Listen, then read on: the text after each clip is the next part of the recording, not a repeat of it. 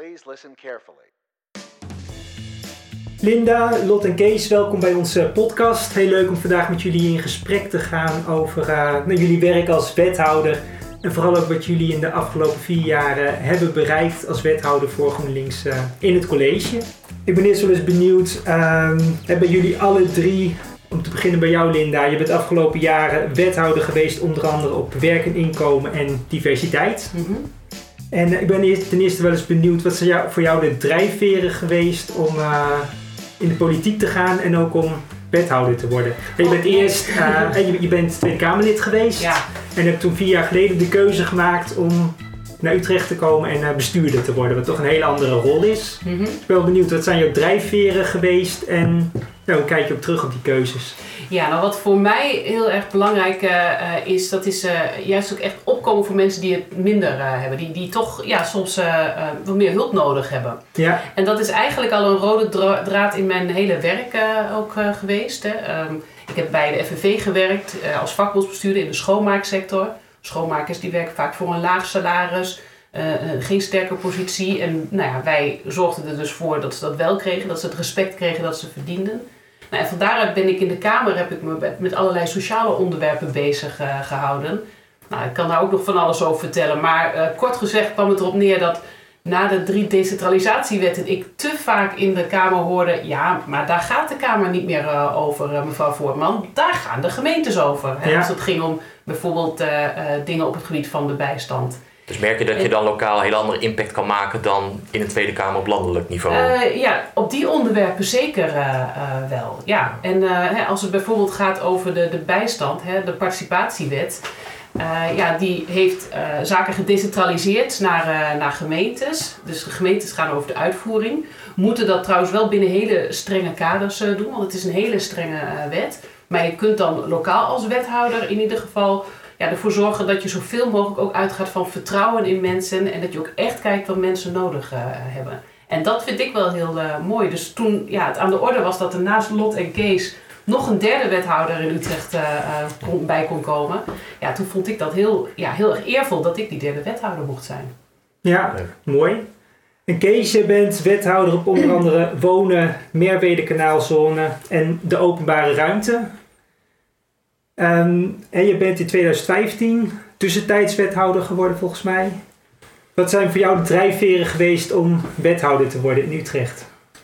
Ja, dat is een goede vraag. Kijk, dat kwam eigenlijk, mo moet ik dan zeggen, dat dat. Uh, ik, ik heb vroeger, uh, 20, 30 jaar geleden, heb ik in de Tweede Kamerfractie als fractiemedewerker gewerkt. Elke tijdje in partijbestuur gezeten. Dus nou het politieke zat er al echt in. Maar hoe maak je dan de stap naar de lokale politiek? Hè? Dat is toch wel. En dat is bij mij gegaan. Dat was, toen was ik nog, woonde ik nog in Amsterdam.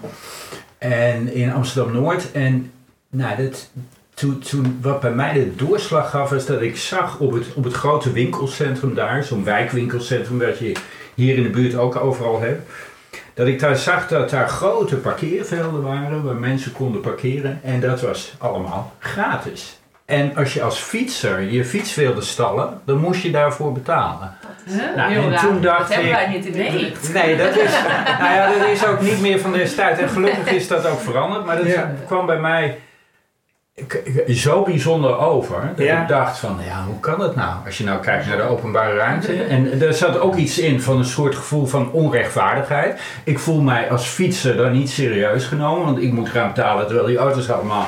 Hè, eh, Ja, hun auto daar gratis kunnen stallen. Dus nou ja, dat heeft bij mij toen de doorslag gegeven dat ik dacht, ik ga in dat stadsdeel ga ik politiek actief worden. En van Amsterdam kwam Utrecht eh, Ja. vijf jaar geleden.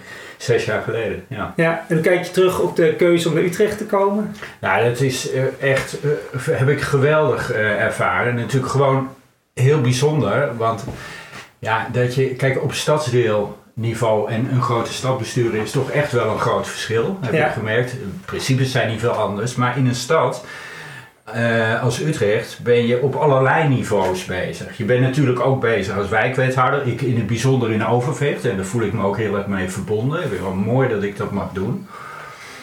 Maar tegelijkertijd, je hebt ook een rol te spelen in de hele stad. Hè? In je portefeuille. Je een rol te spelen in de regio, met de omringende gemeentes. Je- met de provincie, met het Rijk overleggen. Met de collega grote steden, de G4. Dus het is wel heel rijk. Eh, ja, op al die gebieden probeer je nou ja, het goede te doen en de agenda eh, te zetten. de groene en sociale agenda. Maar je hebt, je hebt dus een enorm bereik. En dat maakt het druk en intensief, maar ook heel rijk en uh, volop mogelijkheden om dingen te bereiken. En je had het ook meteen heel, uh, het was ook meteen heel erg intensief voor jou. Want een van de eerste dingen die jij deed, dat was ook uh, de komst van een asielzoekerscentrum in Overvecht. Zeker, en dat was um, de vorige periode toen er een hoge instroom was van asielzoekers in Nederland. Ja. Dat hebben, maken we nu weer mee. 2015. Van, ja, de internationale situatie. Toen was het heel erg Syrië. Heel veel Syrische mensen die naar ons land en onze stad kwamen. En ja, daar, daar werd, uh, ik werd daar ja, toch wel gelijk in diepe gegooid. Gelukkig ook nog wel eens bijvoorbeeld door Lot terzijde gestaan op een hete avond in West, maar ook in Overvecht. En wat ik daar merkte, dat was dat uh, de mensen in Overvecht, waar wij een asielopvang wilden, dat die tegen ons zeiden van, uh, ja, beste college, beste wethouder, jullie willen hier vluchtelingen huisvesten. Maar mijn kinderen zoeken al jarenlang naar een woning en kunnen die niet vinden. En ze zeiden ook van ik sta al jarenlang aan de kant, hè, bijstandsuitkering, ik krijg geen kansen op opleiding op werk. Lang verhaal kort, wat hebben we gedaan? We hebben gezegd, we gaan een deel van de ruimte van het asielzoekerscentrum of het asielopvang gaan we besteden voor huisvesting van jongeren uit Overvecht. Ja. Gemengd wonenproject, waar Utrecht in zijn algemeenheid heel sterk in is. En waar ja, wat ik ook echt een GroenLinks-stempel vind hebben. Dit jaar ook weer heel veel nieuwe projecten bereikt. Mix it, live in, noem maar op.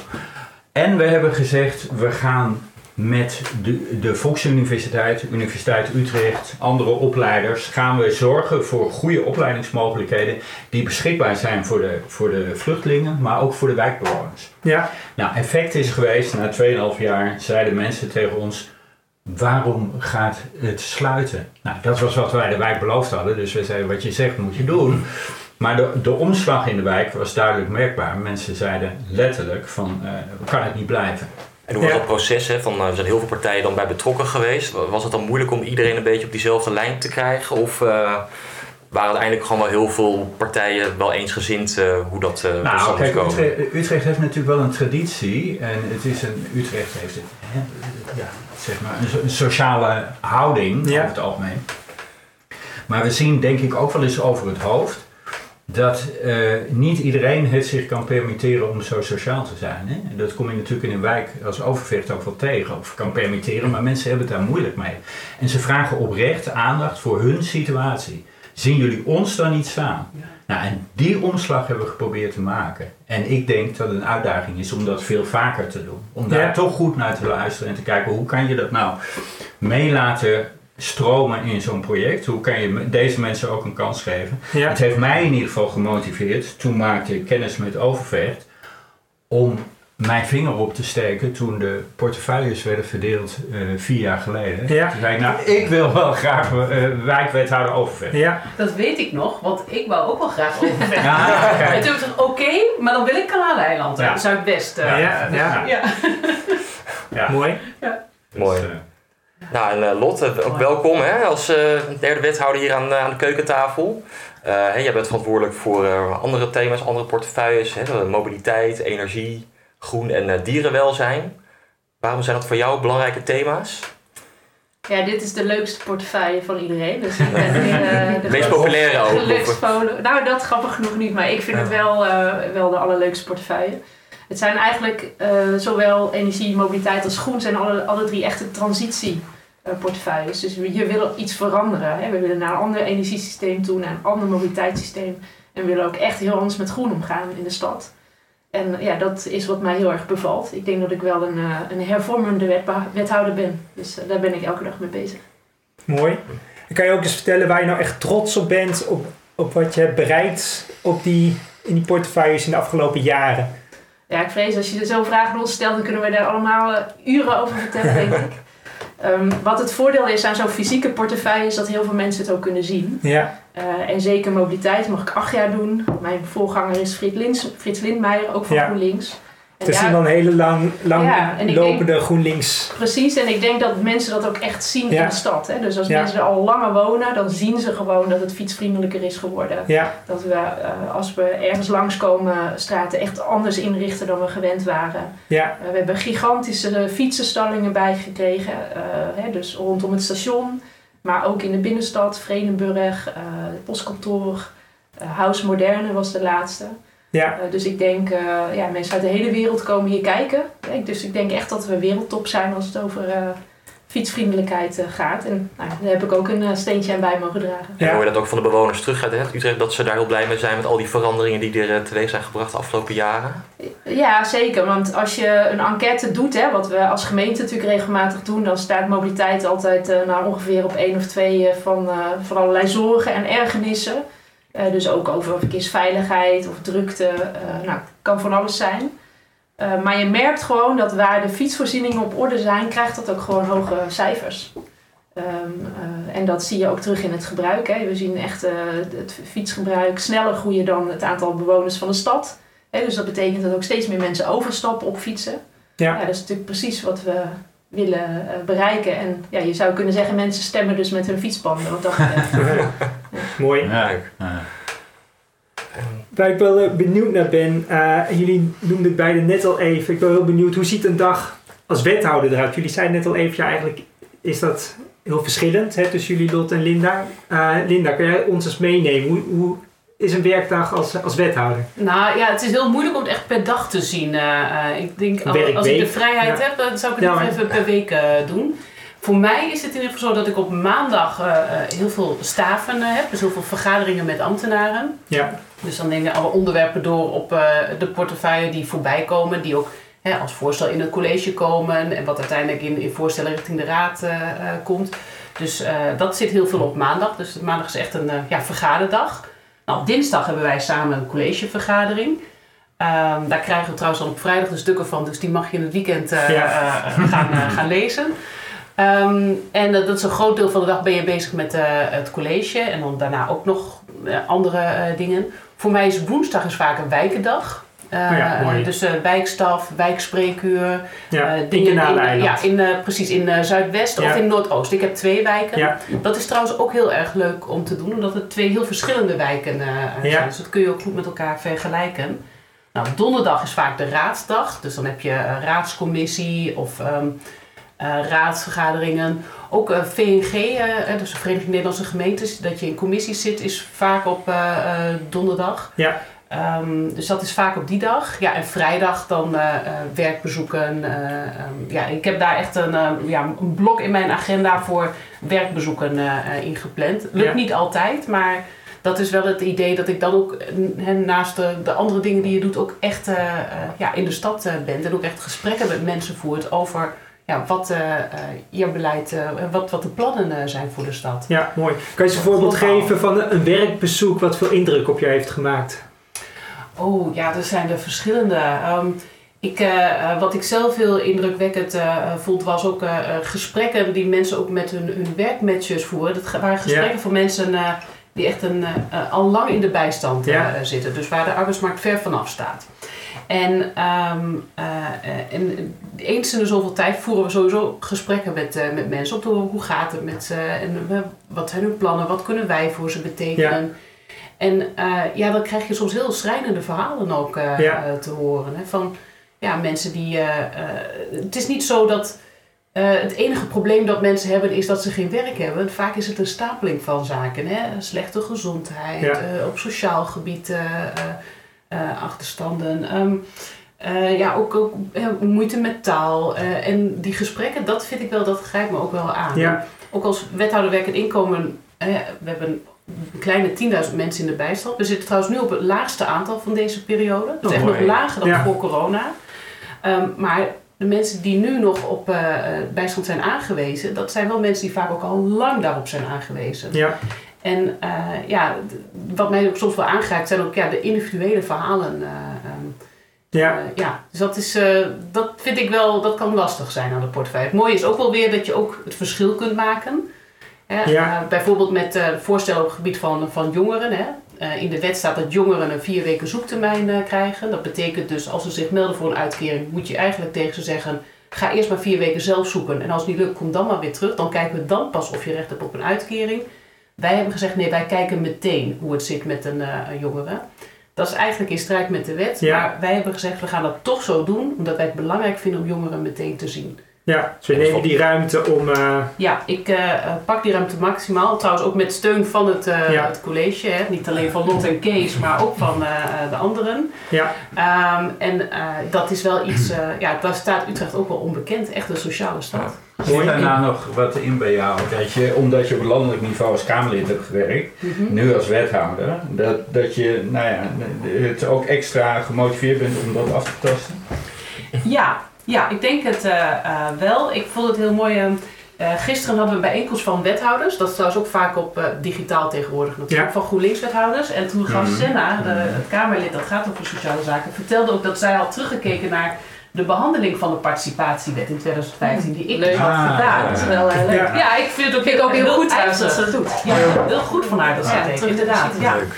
Eh, en zij zag dus toen ook al wel, ehm, ja, niet dat ik alles zo goed weet hoor, maar eh, waar ik toen al kritiek op eh, had, hè, van eh, het mensbeeld in de wet. Ja, Hè, mensen willen niet werken, eh, je moet streng voor ze zijn, want alleen op die manier eh, eh, kun je ze vooruit branden. Ja, daar maakte ik toen al bezwaren eh, tegen. Omdat ik dacht, dat werkt juist niet. Als je op die manier mensen gaat bejegenen, ze behandelt als potentiële fraudeurs, ja, eh, ja, dan, dan verkrampen ze juist. Eh, Ja. Dan haal je niet het beste uit Ja. ze. En ja, nu als wethouder probeer ik inderdaad echt nou, de randen van de wet op te zoeken. En soms er een beetje overheen. ja. Het beeld lijkt wel wat te kantelen. Hè? Ja. Hoe- dat dat mens speelt. Ja. Hoe denk je dat wij als in Utrecht en jij dan vooral daar op invloed zijn geweest? Ja, het, het is echt aan het, eh, aan het kantelen. Tijdens die wetsbehandeling waren eh uh, Sadek Karabulut en ik de enige twee Kamerleden die echt, eh, eh, ja, echt eh, tegen de, die, die wet in eh, eh, gingen. Verder alle andere partijen eh, ja, waren voor op dat Ja. moment. Als je nu kijkt, als ik nu met Kamerleden praat, hè, ehm, dan wordt er vrij breed toch eh, gezegd van ja, die wet, dat, eh, dat is gewoon niet goed. We moeten inderdaad toe naar een wet die uitgaat van een ander mensbeeld. En De toeslagenaffaire is ook wel heel Ja. invloedrijk Ja. geweest. Ja. enorm mee eh, Ja. gespeeld. Ja. Dat mensen echt zagen van hoe dus al dat systeem Hoe je dan, als zo je door de verkeerde bril kijkt, Ja. krijg je ook echt de verkeerde resultaten. Ja, en het is Ja. ook echt een optelsom van zaken. Het is niet één, één regeltje, maar het is echt nou ja, dat dan ook van alles omvalt. eh, hoe mensen dus in de knel kunnen. eh, Ja. En vorige week was er een convenant gesloten toch over schuldenvrij. eh, dus Ja, dat zal vast ook kunnen helpen hè, om eh, mensen die in zo'n situatie Ja. zitten. Ja, precies. Ja, nou, toen, ik, toen ik Kamerlid was, hè, want eh, ehm, toen was ik ook met, met schulden bezig. En ik herinner me ook nog wel een specifiek een debat in eh, de Kamer. Dat was toen in maart of zo. Toen was nog niet... Ik had al wel eh, ja, achter de schermen kenbaar gemaakt dat ik eventueel wel die derde wethouder zou willen worden als dat aan de orde zou zijn. Maar dat was niet openbaar. Maar dat ik toen wel dacht van, oh hoe mooi zou het zijn als ik daar eh, ook over zou mogen gaan. Over armoede en schulden. Ja. En daar hebben we, als je mij vraagt waar ben je nou het meest trots op? Ja, dan zeg ik echt eh, eh, de aanpak op het gebied van armoede en schulden. Het, echt het inzetten op het voorkomen, mensen actief eh, begeleiden. Ook met inzet van ervaringsdeskundigen. Dus mensen Ja. die zelf ook ervaring hierop eh, hebben. Samen met tal van eh, organisaties in de stad. Want wij kunnen dat niet allemaal vanuit de Ivoren Toren eh, van het Mhm. stadskantoor.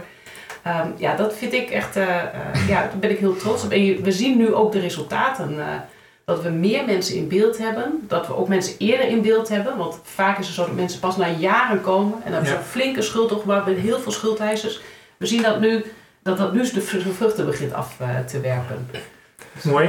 En Lot, als je dan hè, hoort hoe de werkweek zo van, van Linda eruit ziet, is dat een beetje herkenbaar? Of denk je, nou, mijn week ziet echt heel anders uit dan die van haar? Ja, ik denk wel, natuurlijk is het herkenbaar, eh, maar tegelijkertijd, eh, de portefeuille doet er natuurlijk toe. De thuissituatie doet er toe. Eh, Linda heeft een, kind thuis zitten, ik niet. Dus dat maakt denk ik ook uit. Dus mijn strategie is altijd om eh, elke dag eh, vroeg op te staan, om zes uur. Dan begin ik met werken en dat hou ik vol tot een uur of tien, elf, half twaalf s'avonds. En dat is mijn methode om in het weekend eigenlijk vrij weinig te doen. Behalve vandaag. Ja, maar dit vind ik dan nog gewoon ontspannend. Maar Ja. eh, ik denk dat Linda in het weekend heel braaf haar stukken leest. Ik Ja. niet. Ja. Nee, ik, ben, ik ben wat dat betreft ook anders. Je kan elkaar volgen hierin. Ja. We hebben tegenwoordig een methode waarbij we de opmerkingen Ja. bij de collegestukken intypen. Ja. Dus je kan ook een beetje zien wie zit wanneer eh, in die stukken. Kun je ook elkaar, En dan elkaar leren op van die elkaar-? Ja, ja, ja, zeker. Je kan elkaar reageren. Overigens ook op onze andere collega's die niet GroenLinks zijn. Ja. Ehm, maar dan kan je wel een beetje een, een werkritme aan afleiden. En Ja. ook aan de, aan de activiteit op de app en zo. Dan kan je wel zien, oh die staat nu heel erg aan. En die Ja. andere staan misschien een beetje uit even. Maar bij, bij, bij Lot heb ik wel eens gezien dat om 8 uur s ochtends op dinsdagochtend stond er ergens nog geen opmerking van haar bij. En dan om 9 uur opeens wel. Dus dan weet je echt vlak voor de vergadering. Ja, ja. Eh, ik word nu onmaskerd, maar dat is wel waar. Maar dat betekent dat mijn weekenden relatief rustig zijn. En dat vind ik zelf wel prettig, ook om eh, Ja. een beetje bij te komen. Maar door de week zit wel echt eh, vol. Dus eerst eh, voor negen uur zoveel mogelijk stukken lezen. Om de vervolgens de dag door te komen. En dan inderdaad, maandag zijn heel veel vergaderingen. Dat is voor ons allemaal wel zo.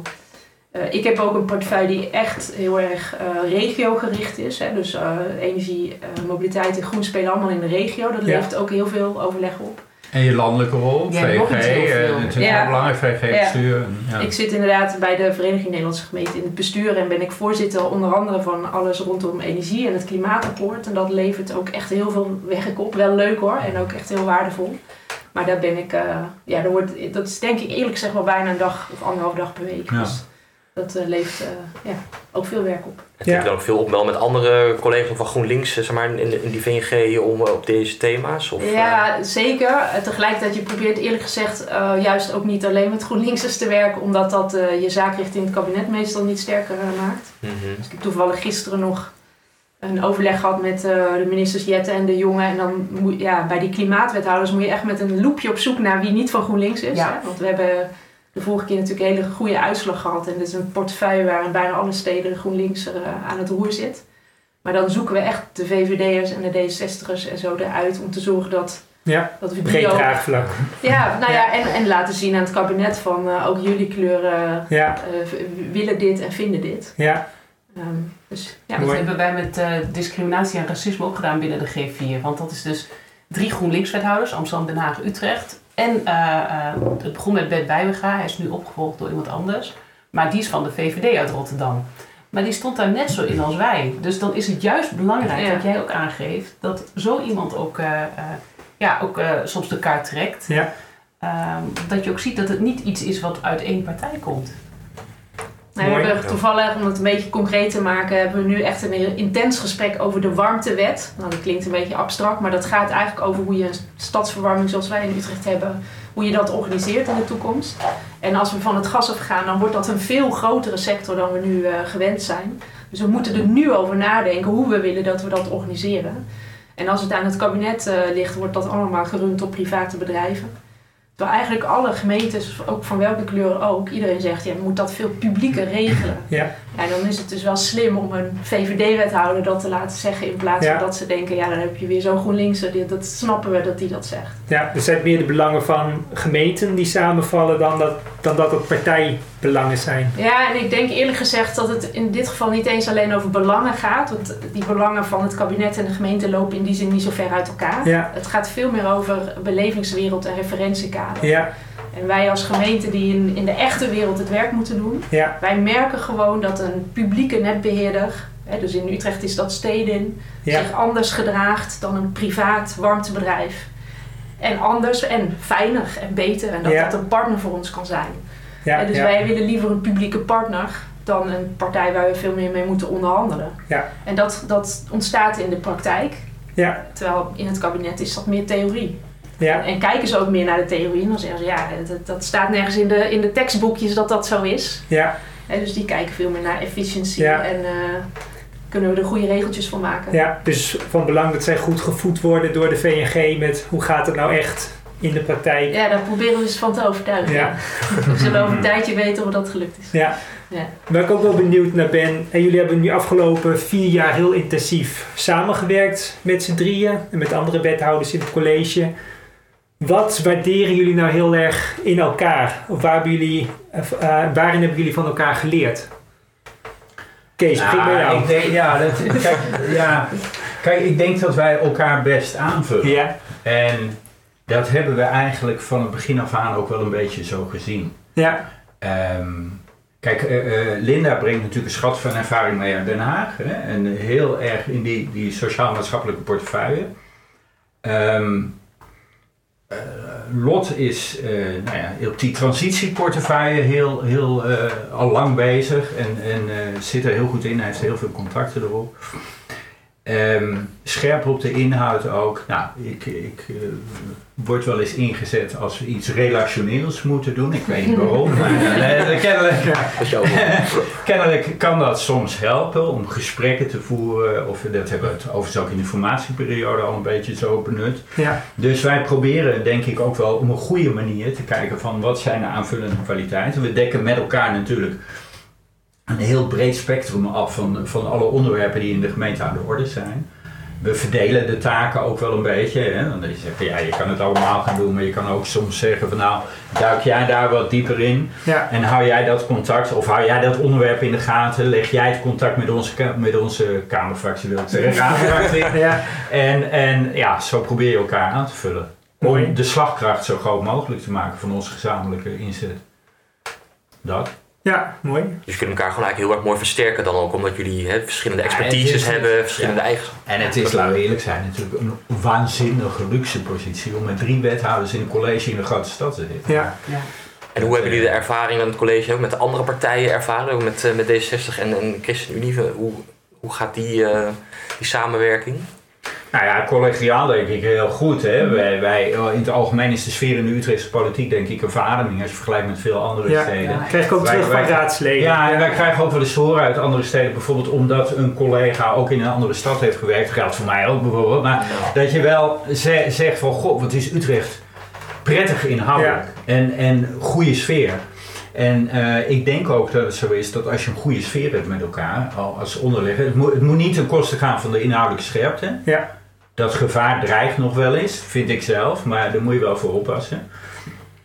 Ja, we zeggen wel eens eh, zacht op de relatie, scherp op de inhoud. Nou, dat laatste moet je vooral ook goed in de gaten houden, vind ik. Maar het is wel zo, het is voor de stad, denk ik, een zegen, zullen we maar zeggen, als de politiek relatief rustig is en er weinig op de man of de vrouw wordt gespeeld. En vooral op de inhoud het debat wordt gevoerd. Ja, Mhm.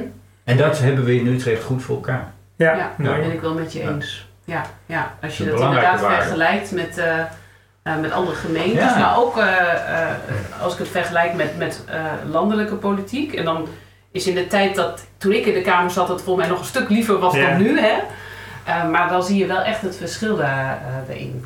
Dus dat, eh, dat herken ik wel. Ik vind trouwens even terugkomen, want eh, eh, je maakt die, je eigen rol een beetje te klein als je zegt van eh, eh, ja, ik ben dan wat meer op de relatie. Wat, ook wel, wat ik ook wel heel opvallend vind, is dat jij over echt een heel breed scala van onderwerpen ook mee Hmm. praat. Hmm. En dat zie je bijvoorbeeld bij de collegestukken ook, dat jij eigenlijk op allerlei verschillende onderwerpen. Ik denk dat wij sowieso redelijk veel eh, eh, lezen ook, ook van, van elkaar, maar ook van de collega's. Maar, GroenLinks is ehm, van de inhoud, hè? ja, eh, dat zijn, dat zijn we gewoon wel. Ja. Dus, eh, dus misschien moet je het aan de andere wethouders vragen hoe die het vinden om met ons. Ja. Maar eh, eh, dan, dan zie je dat jij dan net weer iets ergens uit weet te halen. eh, eh, waarvan ik denk van, oh, dat is wel heel scherp. eh. Ja, ik vind wel, bij ons alle drie kun je heel goed merken dat we, ehm, waarom we de po- politiek belangrijk vinden Ja. en waarom we de Mhm. politiek zijn ingegaan. Dat is Ja. toch omdat we dingen vinden. Ja, Ja, dat Ja. klinkt misschien raar, want je zou denken dat zou toch voor iedereen moeten gelden. Maar ik het- merk wel eens dat dat bij GroenLinks toch net even wat meer aan de hand is dan bij anderen. Dat wij dingen vinden en over dingen, nou ja, dingen en- en nadenken.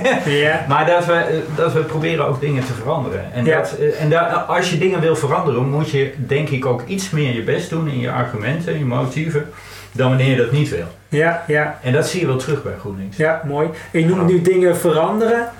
Kun je jullie eens een mooi voorbeeld geven van iets wat vier jaar geleden in ons verkiezingsprogramma stond en wat nu zo vier jaar later echt eh, tot resultaat gekomen is? Nou, ik, wil- ik wil wel één, dan Ja. hou ik mijn mond, want dan ben ik te veel aan het bal.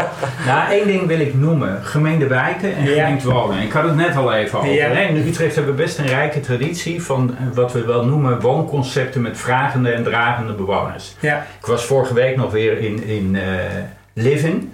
in een, een, een, een project in Leidse Rijn. Ja. Eh, nou, mensen die, die een half jaar geleden nog in het bos woonden met een tentje Ja, en daar aan het overleven waren, daklozen, ja, die zijn nu in een gemengd project waar ze samenwonen met mensen die gekozen hebben om daar te wonen op basis van motivatie. ja, En dat is zo ijzersterk en werkt zo goed en samenbindend. ja. Versterkend voor mensen, maar ook voor het buurtje. Omdat daar ontstaat dan een woonvorm van mensen die per definitie ook wat meer betrokken zijn op de rest van de buurt. ja. Gemeende wijken. Wij, wij zien in Utrecht, we hebben het gehad over Kanaaleiland, over Overvecht, dat in Utrecht toch de segregatie nog best groot is. Ja. We hebben gezegd, eh, en dat is een belangrijke inzet geweest in, deze collegeperiode, kunnen we daar nou niet wat aan doen? En waar ik wel heel trots op ben, dat wil ik toch even noemen, is het project De Mix. De Mix Utrecht. Ja, Want dat gaat precies daarover. Daar hebben we afspraken gemaakt als gemeente met Mitros, de grootste woningcorporatie van de stad, en BPD, de oude bouwfonds, een, nou ja, meer maatschappelijk georiënteerde belegger, zeg maar. Hè. En wat hebben we gedaan? Mitros zegt, wij gaan een deel van de sociale huurwoningen in een buurtje in Overvecht gaan slopen, vervangen door nieuwbouw. Daar komt middenhuur voor terug. En ook met name middenhuur, die dan weer een doorstroomfunctie moet hebben voor nou ja, de mensen in Overvecht. Die als ze die woning daar niet zouden kunnen vinden, naar Leidse Rijn zouden vertrekken of waar naartoe. En omgekeerd, het is een grondruil hè, en een ruil van posities. Omgekeerd gaat BPD in het westen van de stad, defensieterrein, Merwede Kanaalzone, extra sociaal bouwen. Nou, de- wat is er mooier dan dat? Want dan krijg je in West, waar relatief weinig sociale woningbouw is, extra.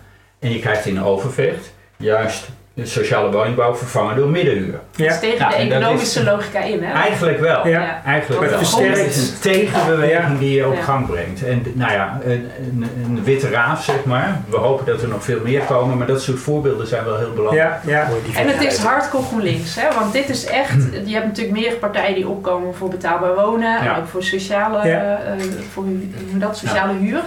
Ja. Maar wij zijn echt de enigen die zeggen, ehm, ja maar wij vinden die menging ook belangrijk. Hè? Dus Ja. het gaat ons niet alleen over onder de streep hoeveel aantallen sociale huurwoningen heb je in de stad.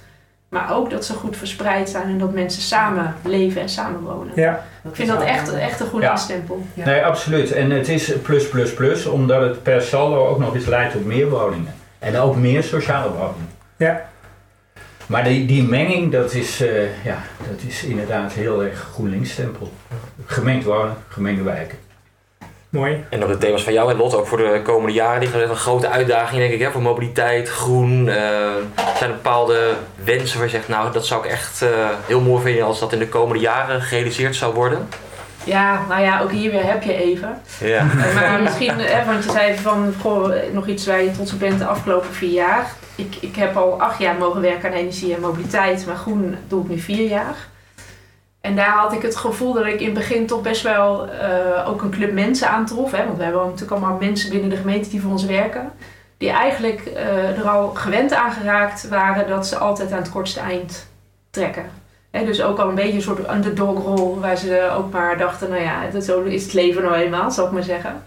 Dus ik heb ook echt geprobeerd om het onderwerp, maar ook de mensen die eraan werken, te emanciperen. Ehm, en, en het gewoon heel belangrijk te maken. En we hebben denk ik, ja, dat is, helaas kun je dat dan nog niet op straat zien buiten, want soms dan, eh, dan duurt dat even wat langer. Maar ik denk echt in de manier van denken, ehm, dat, we, dat ik echt wel het een en ander heb weten om te draaien. Het gevleugelde begrip groen tenzij is daar onder andere uit, eh, uitgeboren. En dat is ook, ik heb toevallig afgelopen week weer met ontwerpers ben ik door de stad gegaan om naar plekken te kijken van had dat nou ook anders gekund.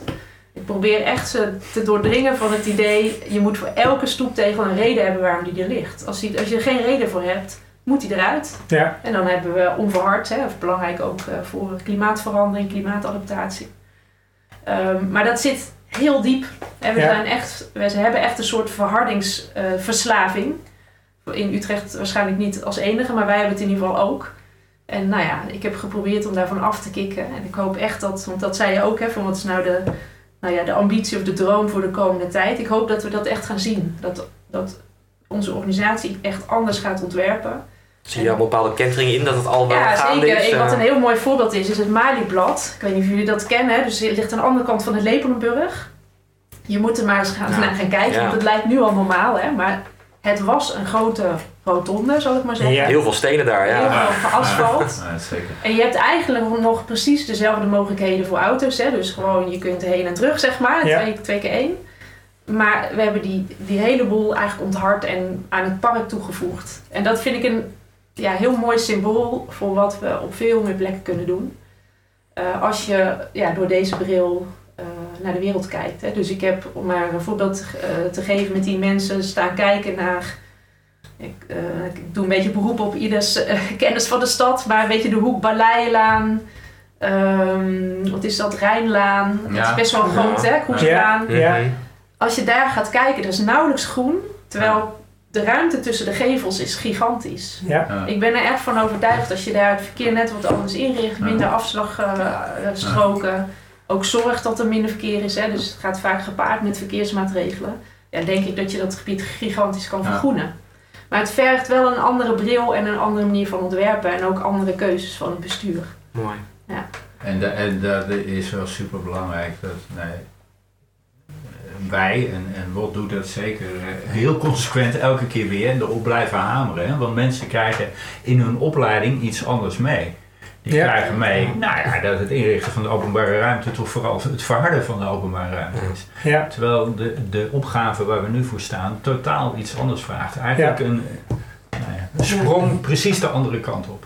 En je ziet ook En, eh, nou. dat, dat er dan gewoon ook heel veel kan. Hè? Want Eh, natuurlijk denken mensen meteen aan toegankelijkheid en veiligheid en dat soort eh, eh, zaken.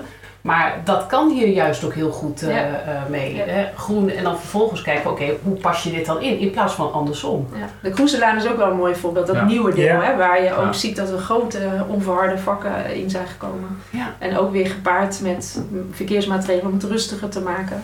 Ja. Dus het kan, maar wij zeggen ook, keuzes. Ja. We moeten gelijk opwerken. De, de gemeente moet alles doen wat de gemeente kan doen en tegelijkertijd de mensen motiveren om dat ook te doen. En mensen zijn vaak hartstikke gemotiveerd. Als je kijkt naar onze groene dakensubsidie, Ja.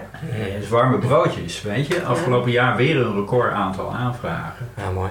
Ook, mensen, ja. mensen willen heel graag een groen dak. Ja. Wat ook een heel mooi voorbeeld is, is dat wij tot deze, in deze periode in een van onze regels hadden staan dat schoolpleinen verhard moeten zijn. Ja. Bizar natuurlijk. Het komt ook uit een tijd dat dat Ja. blijkbaar het deel van het programma van Eisen was. Waarom maar zouden kinderen niet bizar op een grasveld willen spelen? Ja, heel raar. Ja. En, en nu Ja. is dat eruit gehaald en hebben we zelfs een subsidie voor scholen om groene schoolpleinen aan te leggen. En je merkt dat als een paar schapen over de dam eh, gaan. En dus er zijn al een paar hele mooie voorbeelden. Een van Ja. mijn favorieten is de, de parkschool in Lombok, Ja. waar ik ook wijkwethouder ben. Eh, heel mooi geslaagd. En als er een paar gaan, dan zeggen de anderen, hé, hey, dat willen wij ook. Dat is natuurlijk ook voor kinderen veel leuker, veel leerzamer, Ja. Ja, eh, veel cooler in de zomer. Nou, dat heeft alleen maar voordelen. Mooi. En, en inspirerende voorbeelden gaan de wereld over. Hè? Ja. Jullie kennen het verhaal van de groene bushok. Ja, ja, zeker. Ja, Ja, nou, nou, nou, die komen ja, ja, ja. Die worden all over the world worden die Ja. gekopieerd op moment. Utrecht was de eerste. Ja. En dat is, nou, is heel mooi. En net zo goed willen wij ons laten inspireren door andere Ja. steden die voorop lopen. De Vissersluis, ook zo'n voorbeeld. Wat, Ja. eh, De visdeurbel. ja, precies. Die, ja. Ja, ja, die Die heeft veel eh, aandacht gehad. eh, ja. Die is wel echt viral gegaan. Ja, Ja, ja. Dus, eh, Het zijn hele mooie voorbeelden. Ja. Nou, leuk. Jullie hebben heel veel verteld over hè, wat jullie eh, in jullie rol als wethouder hebben bereikt voor, eh, voor Utrecht en inwoners van Utrecht in de afgelopen jaren. Ehm, over een aantal weken zijn de gemeenteraadsverkiezingen. Ehm, is er nog iets wat jullie willen meegeven aan mensen die nog nadenken over of ze nou op GroenLinks gaan stemmen of toch op een andere partij? Poeh.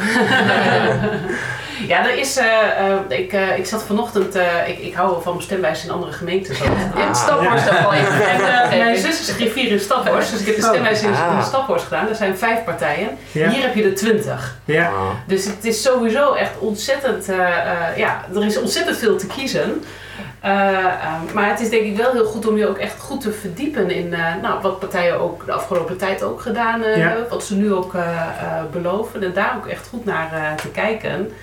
Ehm, nou, en ja, als ik dit zo hoor, maar dit kan, zou je trouwens ook krijgen als je met onze raadsleden eh, eh, spreekt, dan zie je ook hè, eh, precies waar gemeentepolitiek om draait, om tastbare resultaten in de eh, praktijk. Hè. Je kunt hele mooie woorden eh, eh, hebben over vage doelstellingen en zo, maar eh, hoe kom je er en wat voor concrete plannen eh, eh, heb je?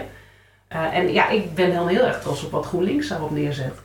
Ja, dat vind ik ook. Ik vind volhouden is ook super belangrijk. Ja. Als, we, als we zeggen wat waarderen we nou in onze stad, nou, dan zijn, hebben we een aantal belangrijke elementen benoemd. Hè. Sociaal, Ja. eh, opkomen voor mensen die het slecht hebben, eerlijke kansen, hè, kansengelijkheid, veel meer bevorderen. Ehm, nou, de- daar werken we hard aan. En tegelijkertijd zijn van de fietsstad, de vergroening. Al die dingen vragen wel om het langere tijd vol te houden. Om echt die omslag te maken in onze stad. Die, eh, die denk ik heel veel Utrechters ook super belangrijk. Ja, Maar we zijn ook op heel veel terreinen zijn we ook heel, eh, heel ver. Weet je, dat, eh, dat zie je van hè, als het gaat om eh, inderdaad die gemeente wijken, hè, eh, vergroening.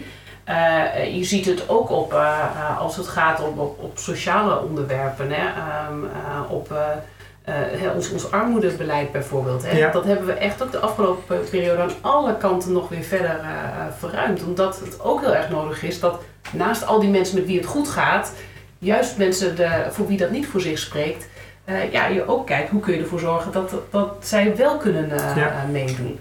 Dus eh, er zijn heel veel terreinen, ja, ook op het gebied van privacy bijvoorbeeld. Maar goed, eh dan dwaal ik uh, ik, ik kan nog... Ik wil heel lang Ja. hierover. Ja. mooi. Nou, misschien toch, toch ja, kijk, Linda zei al, er zijn twintig partijen. Hè. Als je nu naar de huidige raad kijkt, dan zie je twee grote partijen. Hè. Dus eh, Mhm. GroenLinks met 12 zetels, eh, D66 met 10.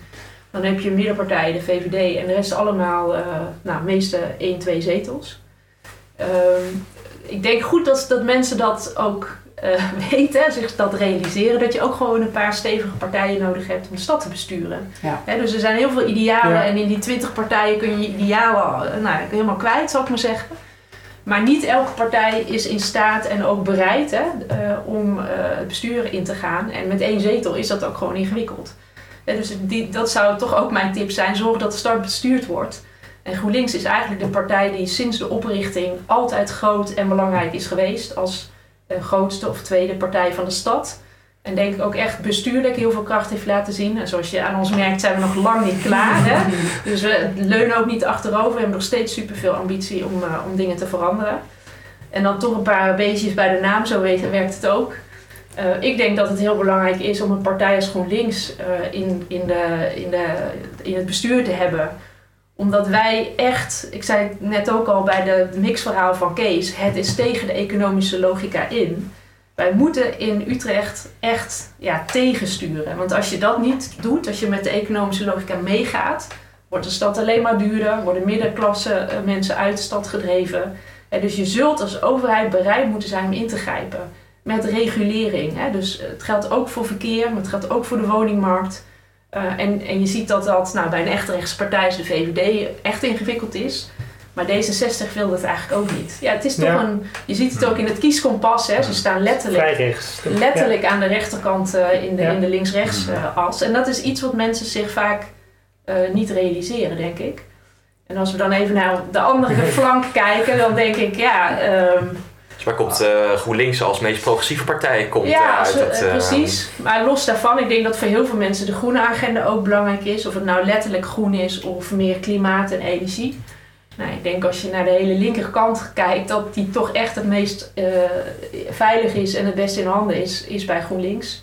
En daar heeft PvdA echt veel minder track record op, SP, idem dito. Hm.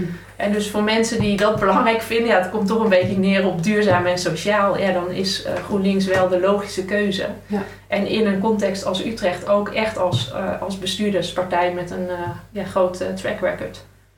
Nou, je hebt ook al een hele waslijst aan mooie resultaten al verteld. Hè, de afgelopen nou, ruim een half uur. Ja. En volgens mij zijn er nog veel meer eh, te verhalen te vertellen.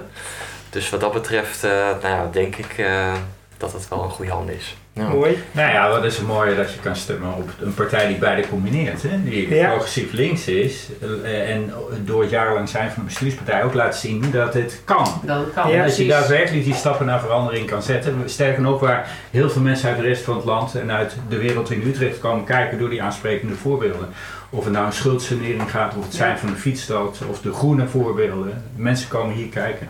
Goed, ehm, ik denk dat we heel veel besproken hebben en dat jullie heel veel hebben verteld aan ons eh, ja, over welke resultaat jullie eh, hebben bereikt in het afgelopen jaar. Ik denk dat het een heel eh, indrukwekkend resultaat is. Dat is heel mooi. En over drie weken dus weer, of vier weken. Ik denk drie weken als we dit een keer uitbrengen, deze podcast.